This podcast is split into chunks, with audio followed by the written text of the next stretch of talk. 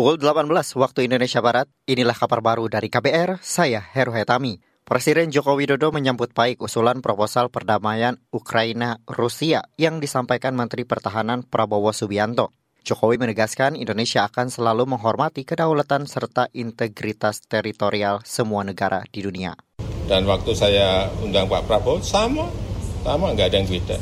Dan itu juga bukan ini loh ya, bukan usulan dalam sebuah forum apa?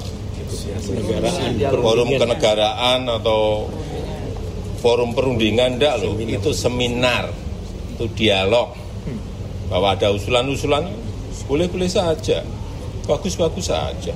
Presiden Jokowi menambahkan sikap Indonesia yang menghormati kedaulatan semua negara juga sudah ia sampaikan ketika bertemu Presiden Ukraina Volodymyr Zelensky dan Presiden Rusia Vladimir Putin Jokowi berharap perang yang terjadi antara Rusia dan Ukraina bisa segera berakhir. Sebelumnya Prabowo mengajukan proposal perdamaian Ukraina dan Rusia dalam konferensi keamanan tingkat tinggi di Singapura awal April lalu. Dalam proposal itu, ada sejumlah poin yang dianggap bisa membantu mengakhiri perang, mulai dari gencatan senjata, membangun zona demilitarisasi, dan menyelenggarakan referendum di wilayah yang diperbutkan.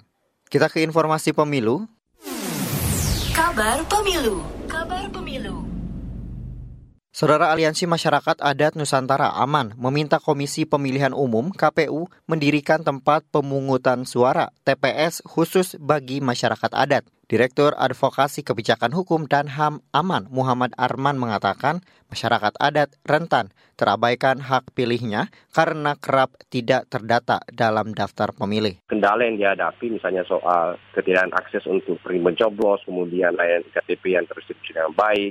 Yang kedua itu adalah memastikan bahwa apa namanya sarana bagi kelompok rentan gitu ya, termasuk masalah itu dalam hal menyampaikan aspirasinya itu bisa dilayani. Misalnya ada eh, TPS khusus misalnya di tempat-tempat yang di mana kemudian wilayah-wilayah adat itu tidak masuk dalam kategori administrasi oleh Dirjen Dukcapil waktu itu ya. Direktur Advokasi Kebijakan Hukum dan HAM dari Aliansi Masyarakat Adat Nusantara Aman, Muhammad Arman, mengatakan pada pemilu 2019 lalu ada sekitar 2 juta masyarakat adat tidak dapat memberikan hak suaranya. Salah satu kendalanya adalah minimnya TPS di lingkungan masyarakat adat. Beralih ke informasi olahraga, Saudara Ketua Umum PSSI Erick Thohir menargetkan Indonesia masuk ke peringkat 100 FIFA. Target itu disampaikan Erick menjelang laga timnas melawan Palestina malam ini. Erik mengatakan laga FIFA Matchday akan menjadi kesempatan bagi Indonesia untuk memperbaiki ranking di FIFA. Dia berharap skuad Garuda meraih poin maksimal. Saat ini Indonesia masih berada di peringkat 149 FIFA, sedangkan lawannya Palestina berada di ranking 93. Sementara itu pelatih Sinteyong mengingatkan pemainnya mampu mengontrol diri saat melawan Palestina. Laga kedua tim itu akan berlangsung di Stadion Gelora Bung Tomo, Surabaya pukul setengah delapan malam nanti. Demikian kabar baru dari KBR, saya Heru Hitaming, salam.